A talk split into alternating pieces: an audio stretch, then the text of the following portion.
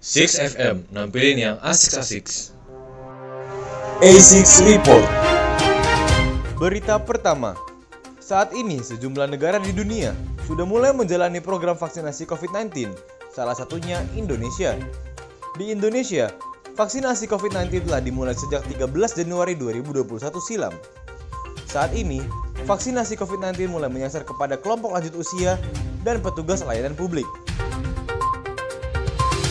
Berita kedua, selain vaksin COVID-19 yang sudah digunakan seperti Sinovac dan AstraZeneca, vaksin Sinopharm dan CanSino juga segera digunakan di Indonesia dalam program vaksinasi gotong royong. Total vaksin COVID-19 yang sudah tersedia di Indonesia per Minggu 2 Mei 2021 telah mencapai lebih dari 73 juta dosis. Vaksin-vaksin tersebut dari berbagai produsen seperti Sinovac, Sinopharm, dan AstraZeneca. Sekian A6 Report hari ini. Nantikan laporan lainnya hanya di A6 Report. 6FM nampilin yang asik-asik.